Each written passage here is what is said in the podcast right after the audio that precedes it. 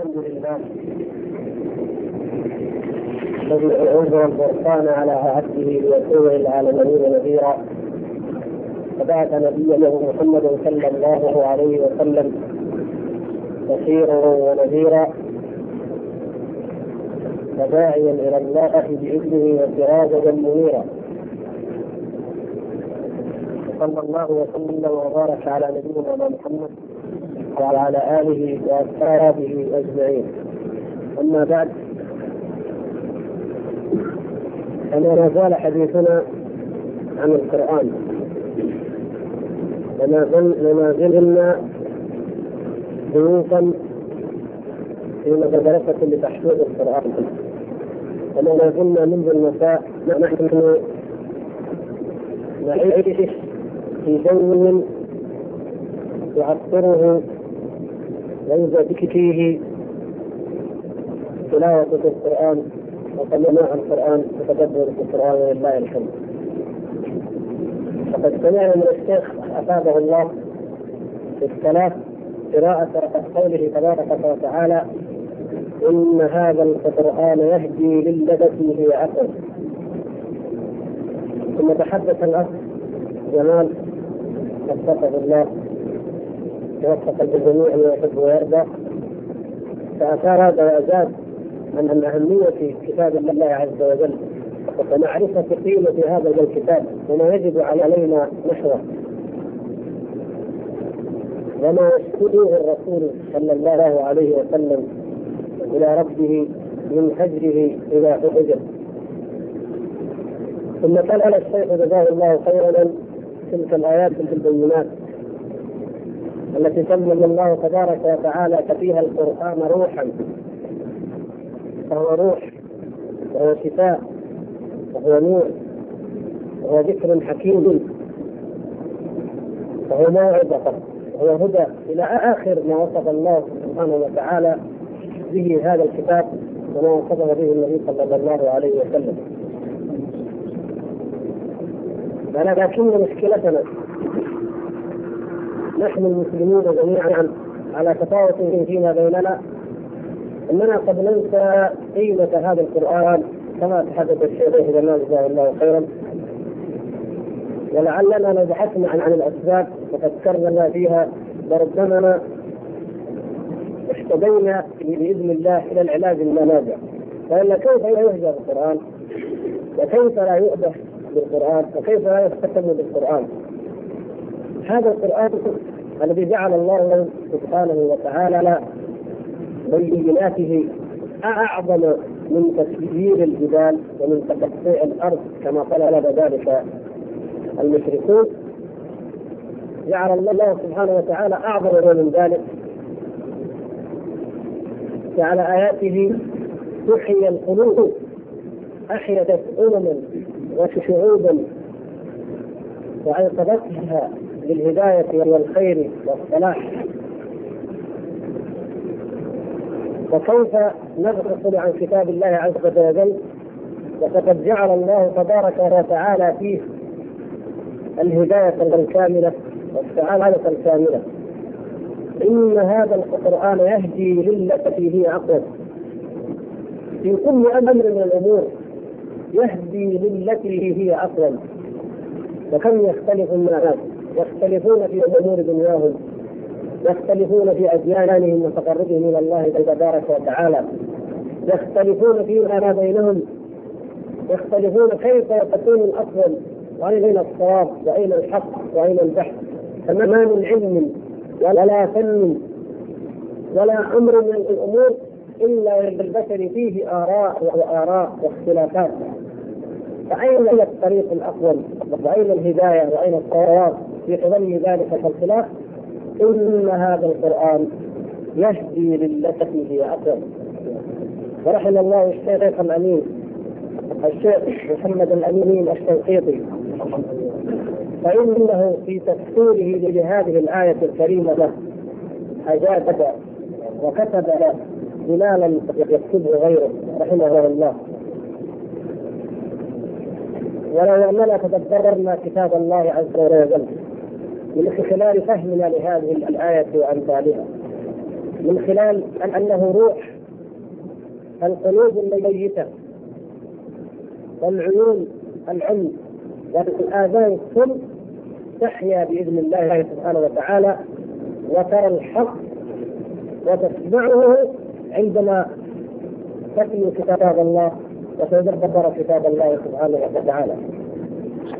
والشقاء والضياع والخسارة التي تعاني منها الاسر وتعاني منها المجتمعات وتعاني منها الأمم كلها تتبدد غيومها واوهامها إذا اقيم كتاب الله تبارك وتعالى.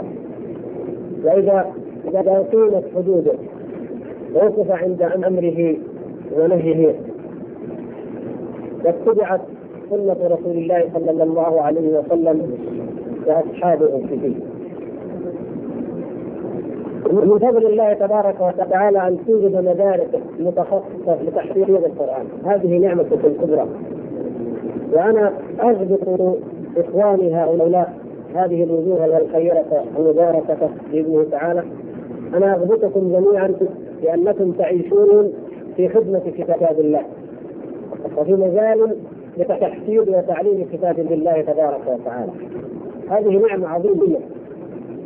النموذج المفقود في العالم الإسلامي اليوم نموذج الشاب أو الطالب الذي يحفظ كتاب الله عز وجل ويجوز قراءته ومع ذلك تكون لديه القدرة والكفاءة بأن يتعلم أي علم من العلوم الدنيوية الأخرى معه.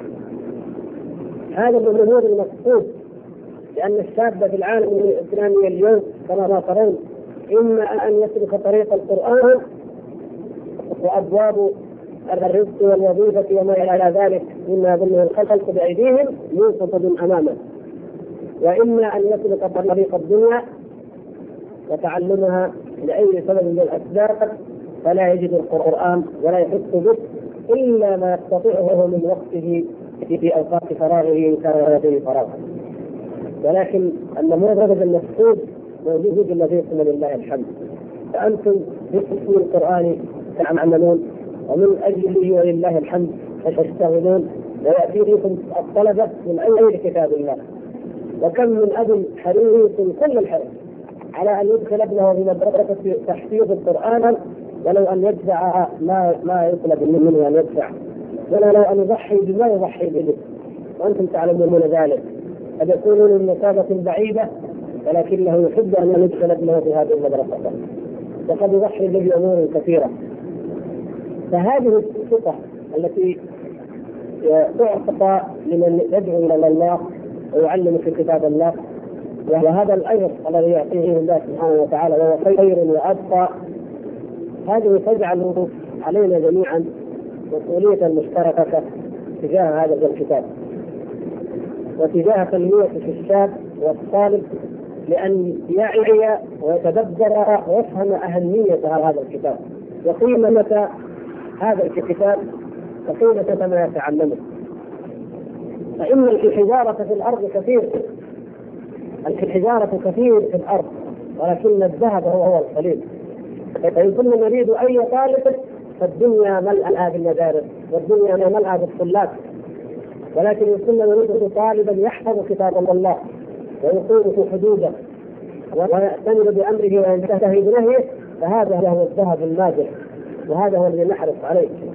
وهذا هو الذي مهما ضحينا من أجله فلا خسارة أبدا ولا ضياع بالجهد لأنه في سبيل الله عز وجل من أجل كتاب الله عز وجل. وهذا هو الذي يجب أن نتعاون عليه نحن الآباء والمدرسين والمجتمع كله. هذا هو الثمرة. وهذه هي الخلاصة. ما كان النبي صلى الله عليه وسلم يفاضل بين أصحابه إلا بالقرآن بالقرآن يتفاضلون حتى عدة الدفن فضلا عن قيامة الجيوش فضلا عن إمامة الصلاة. كان القرآن لأنهم يعيشون في مجتمع أو عاشوا في جاهلية جهلاء ضللاء وعرفوا نكدها وشقاءها وثنيتها وشركها فلما جاءهم نور القرآن أحسوا بقدر النعمة وعرفوا قيمته وتمسكوا به فكان ربيعا لقلوبهم وجلاء لاحزانهم وذهابا لغمهم فكانوا يلجؤون كانوا يهرعون إلى القرآن وإلى الصلاة وإلى قراءته في الصلاة أو في غيرها إذا حسبهم أمر من كما ثبت ذلك عن النبي صلى الله عليه وسلم وكما كان أصحابه من بعده.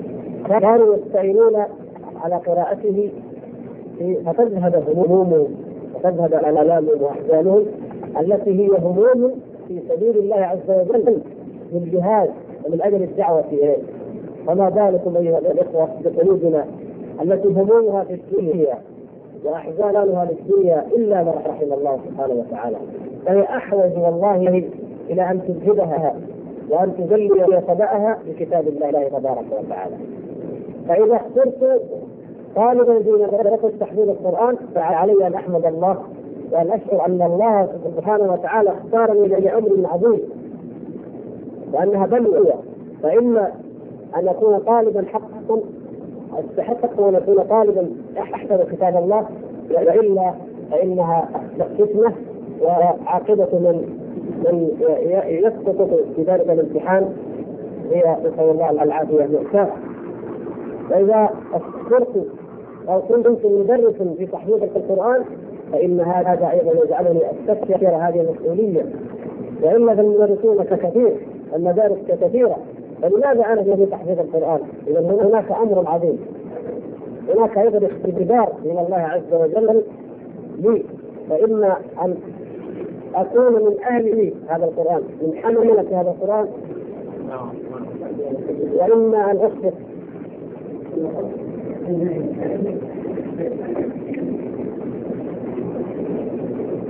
وإما عافانا الله وإياكم أن يسبق الإنسان بذلك فيكون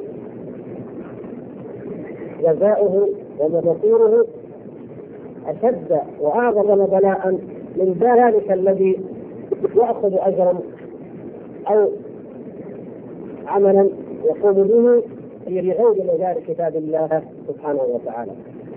هذا القرآن يجب أن يكون أمام ناظري الحاكم ليقيم حدود الله سبحانه وتعالى من خلاله وأن يكون بين ناظري المربي ليربي الأمة والشباب عليه وأن يكون بين ناظري الأب ليقيم له في بيته وفي أسرته. وأن تكون موضع اهتمام الابن ليحفظه ويتعلمه. فكل من منا مخاطب بهذا القرآن. كل العالمين مخاطبون بهذا القرآن. وكل واحد منا مخاطب به بلا شك. لكن مسؤولية من تصدر له لتعليمه ولتحفيظه لا شك أنها كبيرة. كبر الأجر الذي يحصل عليه له بإذن الله سبحانه وتعالى إذا قام بواجب هذا القرآن حقا وعلمه وحفظه وخرج من تحت يده جيل يصح أن يسمى جيلا قرآنيا كما كان أصحاب النبي صلى الله عليه وسلم. هذه هي المهمة وهذا هو الواجب الذي يستشعره الإنسان مع فرحته ومع سروره بأمثال هذه المجتمعات الخيرة المباركة.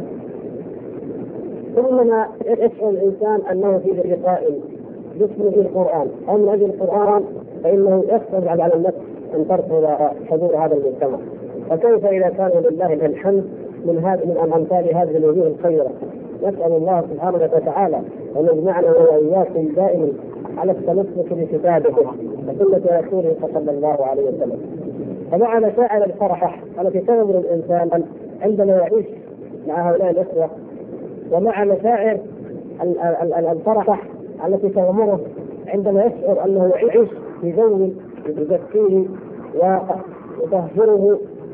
ولاية كتاب لله عز وجل إلا أنه يجب علينا أيضا أن نستشعر بالمسؤوليه وان نذكر أنفسنا اولا. واخواننا ثانيا بقدر هذه المسؤولية الملقاه على عاتقنا. وان نتوكل على الله عز وجل وأن نعرف قيمة هذا القرآن فندعو إليه ونعمل به ونحن واثقون من نصر الله سبحانه وتعالى. فإن الله سبحانه وتعالى قد تكفل لمن قام بهذا القرآن وعمل به ودعا إليه أن ينصره تبارك وتعالى في الدنيا والآخرة. إنا لننصر رسلنا والذين آمنوا في الحياة الدنيا يوم يقوم الأشهاد. فلا طريق إلى النصر ولا طريق إلى الاجر ولا طريق إلى الفلاح والنجاح والسعادة إلا بهذا القرآن. نسأل الله سبحانه وتعالى أن يجعله ربيع قلوبنا وجلاء أحزاننا وبعد هذا همنا وأحزاننا جميعا. إنه سميع مجيب. طلب الموضوع حقيقة. ولما ما نقدر اختلف في العلم. والله بعض الموضوعات قد يكون التذكير بها مما يزيدها لكن لا بأس أن نتحدث عنه؟ والموضوع على الاحتفال بالمولد. تلك البدعة التي راجت في ديار الإسلام.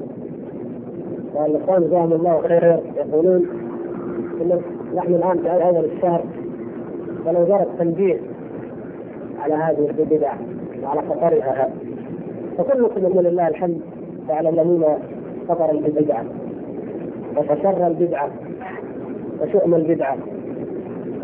فإن إن أول بدعة ابتدعت في الدين وضربت في جماعة وعملت فيها فرقة هي بدعة الحرورية الخوارج.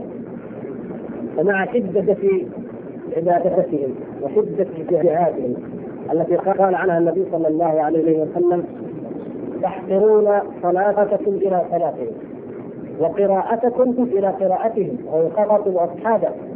الذين في الدرجة العليا من الفضل والعبادة كان أولئك الخوارج أكثر منهم عبادة وأكثر منهم قراءة.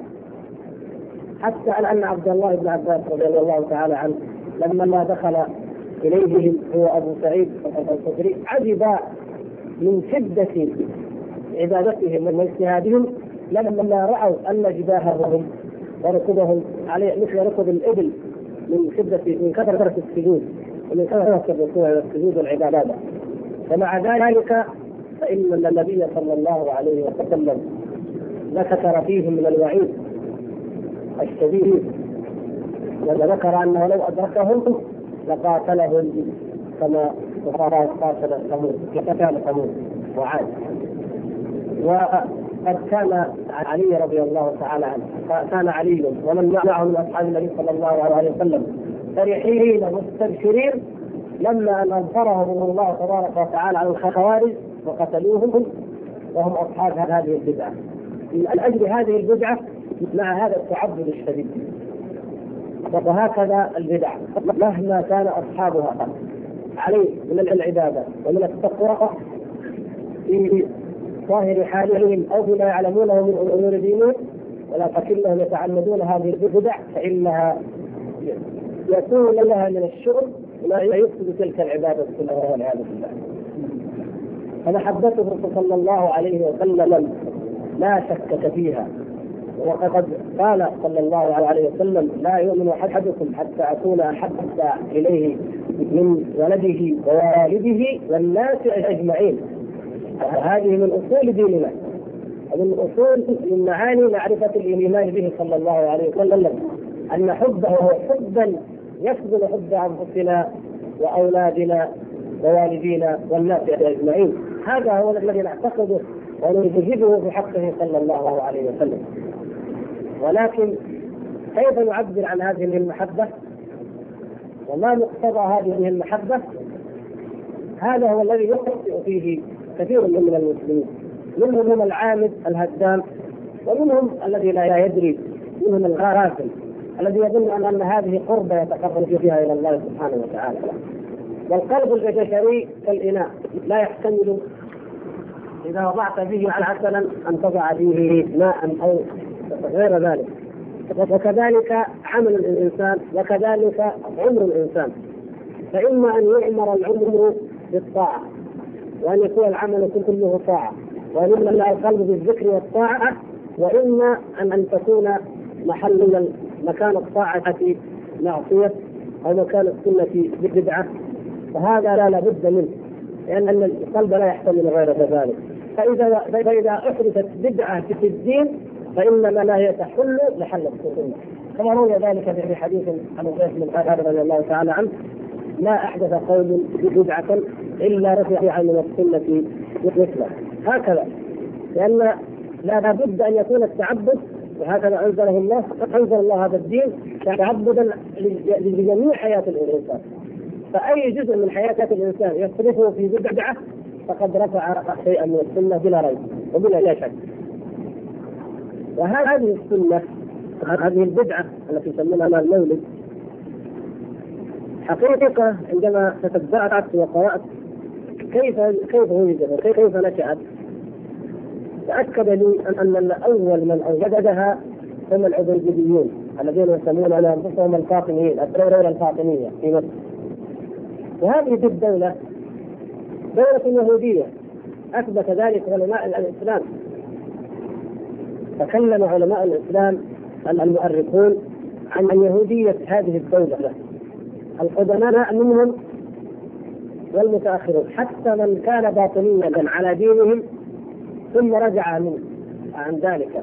وكتبهم الآن طبعت وحققت ولله الحمد. حتى من كان باطنيا ورجع أثبت أن هؤلاء من ذرية اليهود وينتسبون إلى النبي صلى الله عليه وسلم. واليهود كما نعلم أعداء الرسول صلى الله عليه وسلم وأعداء المسلمين واليهودية ثبتت النبي صلى الله عليه وسلم في ذراع الشاه التي أنفقها الله سبحانه وتعالى وأخبرته بذلك. فهل يعقل أن أصحاب محمد صلى الله عليه وسلم وأحب الناس فيه صلى الله عليه وسلم وأفضل القرون الثلاثة ومن بعدها أفضل من الناس؟ لا ينتبهون لهذا. لمحبته صلى الله عليه وسلم أو تعظيمه وينتبه اليهود لذلك الذي حيرني في هذه المسألة هو هذه القضية وقلت لا بد أن هناك سرا مبنى ولعل السر والله أعلم أن مولد النبي صلى الله عليه وسلم غير ثابت. لا ندري في أي يوم ولد في أي شهر ولا في أي يوم. فقيل إنه في ربيع. وقيل إنه في رمضان. وقيل في أول الشهر وقيل في آخره. وبعض العلماء كابن عبد البر رحمه الله وبعض المالكية يرجحون أنه صلى الله عليه وسلم ولد في رمضان. بدليل ان أن القرآن أنزل في رمضان وهذا ثابت بنص القرآن. والقرآن أنزل عليه صلى الله عليه وسلم في تمام الأربعين سنة. ونحو ذلك من الأدلة. المهم أن مولد النبي صلى الله عليه وسلم غير تشابه، يعني نحن الآن لا نتكلم عن عن مجادلتهم بالأدلة. نحلل القضية بالتحليل التاريخي والتحليل العقلي. نرى ماذا وراء هذه المسألة. فاذا إذا كان مولده صلى الله عليه وسلم غير ثابت ولكن وفاته صلى الله عليه وسلم ثابته في اليوم الثاني عشر من ربيع الأول. فما الذي يتوقع من اليهود أن يفعلوه؟ أعداء النبي صلى الله عليه وسلم. لقد جعلوا الموعد الثابت المؤكد اللي هو الثاني عشر من ربيع الأول جعلوه عيدا لهم. وبوهوا على المسلمين لأنهم كانوا يحكمونهم وكان المسلمون يعلمون أنهم كفرة وانهم زنادقة. في مصر وفي المغرب كان من الناس يعلمون أن هؤلاء كفر وزنادقة العبيديون هؤلاء. وكانوا متضايقين أشد الضيق ولذلك لما جاء صلاح الدين وقضى على دولتهم لم يبقى في مصر ولا في المغرب ولا شيعي واحد ولا رافضي واحد يمتثل لهذه الدولة. من شدة ما كان الناس يكرهونها. فكيف يريد أن يهدموا وأن يطعنوا ان يمولوا على هذه الشعوب على هذا المسلمين؟ قالوا الاحتفال بالمولد جعلوه مولدا يوقدون في الشموع ويبسطون الموائد وتأتي الخيول والمهرجانات والاحتفالات وهناك يظهرون الفرح والابتهاج. لماذا تفرحون؟ قالوا للمولد. الناس يفرحون لأنه مولد واليهود يفرحون لأنه موت لأنه وفاه وإن شئتم بعض الادله على ذلك محمد الفاتح لما فتحت القسطنطينية طبعا اوروبا تاملت كلها الما شديدا اليهود والنصارى كل الغربيين خاصة النصارى تألموا جدا أن عاصمتهم تفتح فماذا عملوا؟ جعلوا يوم وفاة محمد الفاتح عيدا. يجعلونه ولائم كبرى في أوروبا ويجمعون الناس ويذبحون الذبائح ويبتهجون ليوم وفاته. وهذه من عادة أولئك القوم. من عادة اليهود والنصارى وبعض الشعوب أن أكبر عدو لها يوم يموت تجعل يوم وفاته عيدا تحتفل به وتبتهج به. ومن هنا كان المولد أول من أحدثه هؤلاء الزنادقة اليهود وجعلوه عيدا واحتفالا لأنه يوافق موت النبي صلى الله عليه وسلم. هذه يعني بالتحليل التاريخي بغض النظر عما تعلمونه من الأدلة ومن النصوص بان الإنسان لا يجوز له أن يحدث أي بدعة وكفى بذلك ما صح عنه صلى الله عليه وسلم من قوله من عمل عملا ليس عليه أمرنا فهو رد أي مردود على صاحبه غير مقبول بل هو مأجور غير مأجور. عليه اسم البدعه هذه الأحاديث والنصوص الكثيره التي جعلها الله سبحانه وتعالى جعل التمسك بالسنة وترك البدعة جعلها الوصية الخاتمة من الوصايا العشر التي أنزلها الله سبحانه وتعالى على النبي صلى الله عليه وسلم. وأن هذا صراطي مستقيما فاتبعوه. وهو السنة. ولا تتبعوا السبل وهي طرق البدعة والضلالة. مع هذا التأكيد إلا أننا نجد أيضا أننا لو نظرنا للمسألة بنظرة فيها نوع من الوعي ونوع من التحليل لتاريخ القضية نجد أن أعداء الإسلام هم الذين يحدثون الجماعه وعلى مدى القرون نجد أن الذين يحرصون على هذه الاحتفالات هم من أبعد خلق الله عز وجل عن التمسك بسنه النبي صلى الله عليه وسلم والدعوة إلى دينه وهديه صلى الله عليه وسلم. نفس الكلام نفس النغمات نفس الأناشيد لكن هذا موضوعها كذا وهذا موضوعها كذا. اذا عدمنا هؤلاء بالتشيع فلنهدم هؤلاء بالتصوف وبالبدع ولا يبقى للاسلام أي خصائص هذه عقول تفكر عقول تشتغل ليل نهار وينكرون ويخططون ويوحي بعضهم إلى بعض من الجن ومن الانس لكي يفسدوا هذا الدين والله سبحانه وتعالى هو الذي يعلم ما يبيتون وهو الذي يعلم ما يخططون وينكرون ولهذا فإنه سبحانه وتعالى بين لنا المحجة البيضاء وأوجب علينا ثلثها لنجتنب أولئك ولن نستقي شرهم إلا باتباع ما كان عليه النبي صلى الله عليه وسلم. وقد قالها عبد الله بن مسعود رضي الله تعالى عنه. قالها في أمر بسيط في أمر عادي من الذكر. قال إما أن تكونوا على ضلالة وإما أنكم أهدى من أصحاب محمد صلى الله عليه وسلم. ليس هناك خيار في كل بدعة تفعل. إما أن يكون صاحبها أهدى من أصحاب محمد صلى الله عليه وسلم سبيلا والعياذ بالله من يكون؟ وإما أن يكون على ضلالة. هكذا كل بدعة لم لم يفعلها أصحاب النبي صلى الله عليه وسلم. فهذه يعني ما أحببت أن ننبه إليه في هذه المسألة. وأنا أحب أن الإخوة الذين في أحياء أو في مناطق غافله عن هذا الموضوع أن لا نركز عليه ونذكرهم به فقد ننبه الغافل. وأما من كان في مجتمع أو في بيئة آه هذا أمر ظاهرا فيها فيبينها بالأدلة من كتاب الله ومن سنة رسول الله صلى الله عليه وسلم. وبالأسلوب الهادئ المقنع ويحرص على من يعلم من كبار هؤلاء القوم كالتجار ونحو ذلك أنه يتودد إليهم ويكلمهم بالحكمة وبالموعظة الحسنة ويبين لهم أن نفقة المال إن لم تكن في سبيل الله عز وجل فلا خير فيها وأنكم إنما تريدون الأجر فلا تضعوه في الإثم.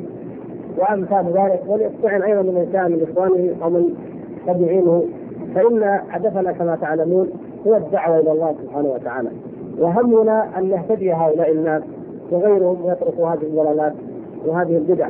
وإلا فلو أن الأمر أمر إقامة حجة لكان الأمر هين أهون من ذلك. لكن القضية أكبر من كونها مجرد إقامة حجة وهي أننا ما زلنا نطمع في الهداية وتحصل بإذن الله عز وجل. كم منهم من اهتدى؟ بعضهم الحمد لله. هذه السنة يقول أنا كنت أعمل مولد إلى العام الماضي لكن هذه السنة. فهم. فعلى يقول جزاك الله خيرا. وهذا المال أنفق. مثل ما كنت تنفق في البدعة أنفق في السنة، أنفق على الجهاد في سبيل الله، أنفق جماعة تحفيظ القرآن، اعطي الفقراء والمساكين، اعمل الخير تصدق. وهذا هو الذي يكفر عنك ما كنت تعمل. يعني هذا الذي أحببت وما أدري عليه. قال صلى الله عليه وسلم.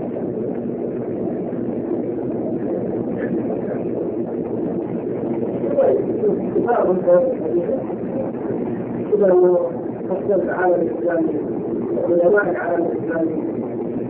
يقولون هذا الشيء أو إذا بعض العلوم يقول كان الصحابة مسؤولين بالجهاد لا يتفرغوا إليه مثل هذه الأشياء كيف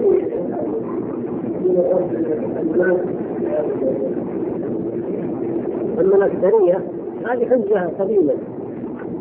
لكن الله سبحانه وتعالى بينها.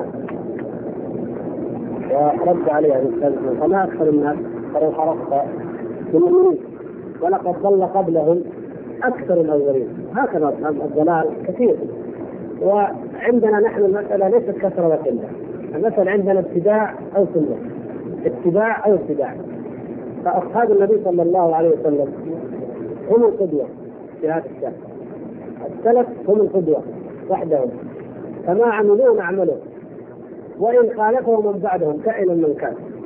وما لم يعملوه لا نعمله. وإن عمل به من بعدهم كائنا من كان عدده.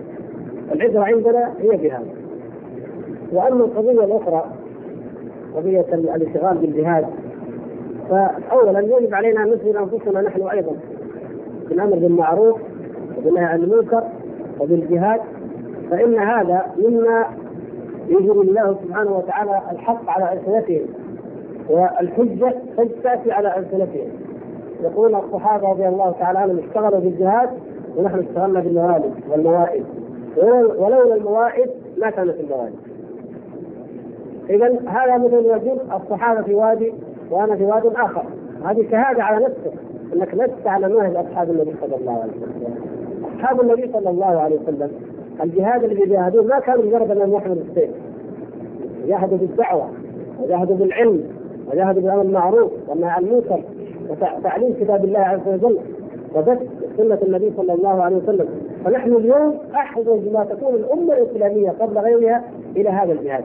فأين الفراغ الذي عندكم؟ ثم تعترفون أنهم لم يفعلوه وتقولون نفعله. هذا أيضا من العجب. تقول لم يفعلوه لأنهم انشغلوا. فنحن حتى لو لم نشغل لا يجوز لنا أن نفعله ما دام هم لم يفعلوه وإلا هو كما قال عبد الله بن مسعود للحلقه الذكر التي رآها قولوا كذا قولوا قال اما أنكم أهدى من أصحاب محمد صلى الله عليه وسلم سبيلا وإما أنكم على رأس ضلاله ولا ولا يعني مناص لا خلاص ولا مناص من أحد هذين الاحتمالين. فلا عبرة لا بالكثرة ولا عبرة بقضية الانشغال.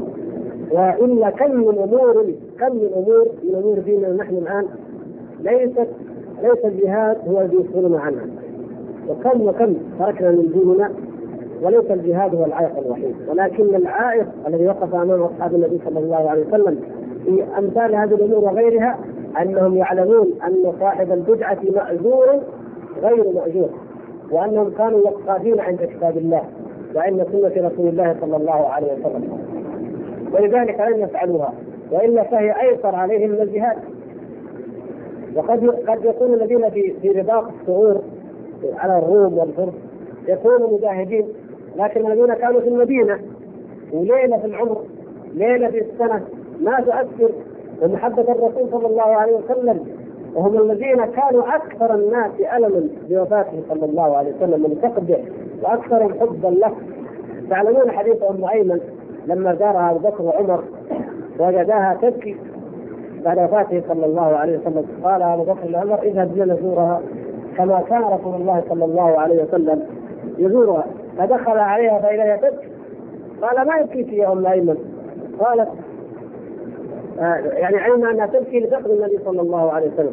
فقال ما يبكيك يا ام ايمن وإن الذي ذهب إليه النبي صلى الله عليه وسلم أو أنك تعلمين أن ما عند الله خير له صلى الله عليه وسلم مما في هذه الدنيا. قالت والله إني ما أبكي إني لاعلم أن ما عند الله خير لنبيه صلى الله عليه وسلم من هذه الدنيا. ولكني أبكي لأن الوحي قد انقطع من السماء. سبحان الله. فهيجتهما على البكاء فبكيا لبكائها رضي الله تعالى عنهما هذه محبة الرسول صلى الله عليه وسلم. وهذه القلوب التي ستخشع لذكر الله. وترق لذكر رسول الله صلى الله عليه وسلم. وتستشعر فقدان رسول الله صلى الله عليه وسلم. أما تحيي ذلك بليلة من الليالي أبو بكر رضي الله تعالى عنه جاء بماله كله وتصدق. ويقول له الرسول صلى الله عليه وسلم ما أبقيت ذلك يا أبا بكر؟ قال الله ورسوله ما ينتج من هذا الشيء؟ ينتج ليلة مولد ويجمع الناس عليها. قال الله. لكن والله لأنهم علموا أنها بدعة. وعلموا إن محبته صلى الله عليه وسلم باحياء سنته وباتباعه وبتعظيمه في قلوبهم تعظيم أمره ونهيه باكبر وأعظم عندهم من أن يتبعوا بدين الله عز وجل. ما ليس منه ولكن يا إخوان يقول أحد السلف ما عبدت الأصنام إلا بالشبهات.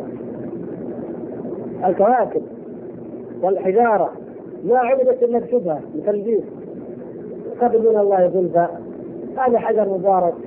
كيف جبت الحجر هذا؟ قالوا ذهبنا إلى بيت إبراهيم الذي بناه إبراهيم وهذا هذا الحجر منه قالوا ضعوا لنا نطوف حواليه فطافوا فعبدوها.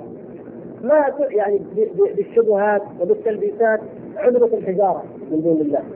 فلا نستغرب أن أي بدعة من بدع يكون حواليها شبهات وحواليها تلبيسات وحواليها هالات هذه طبيعة.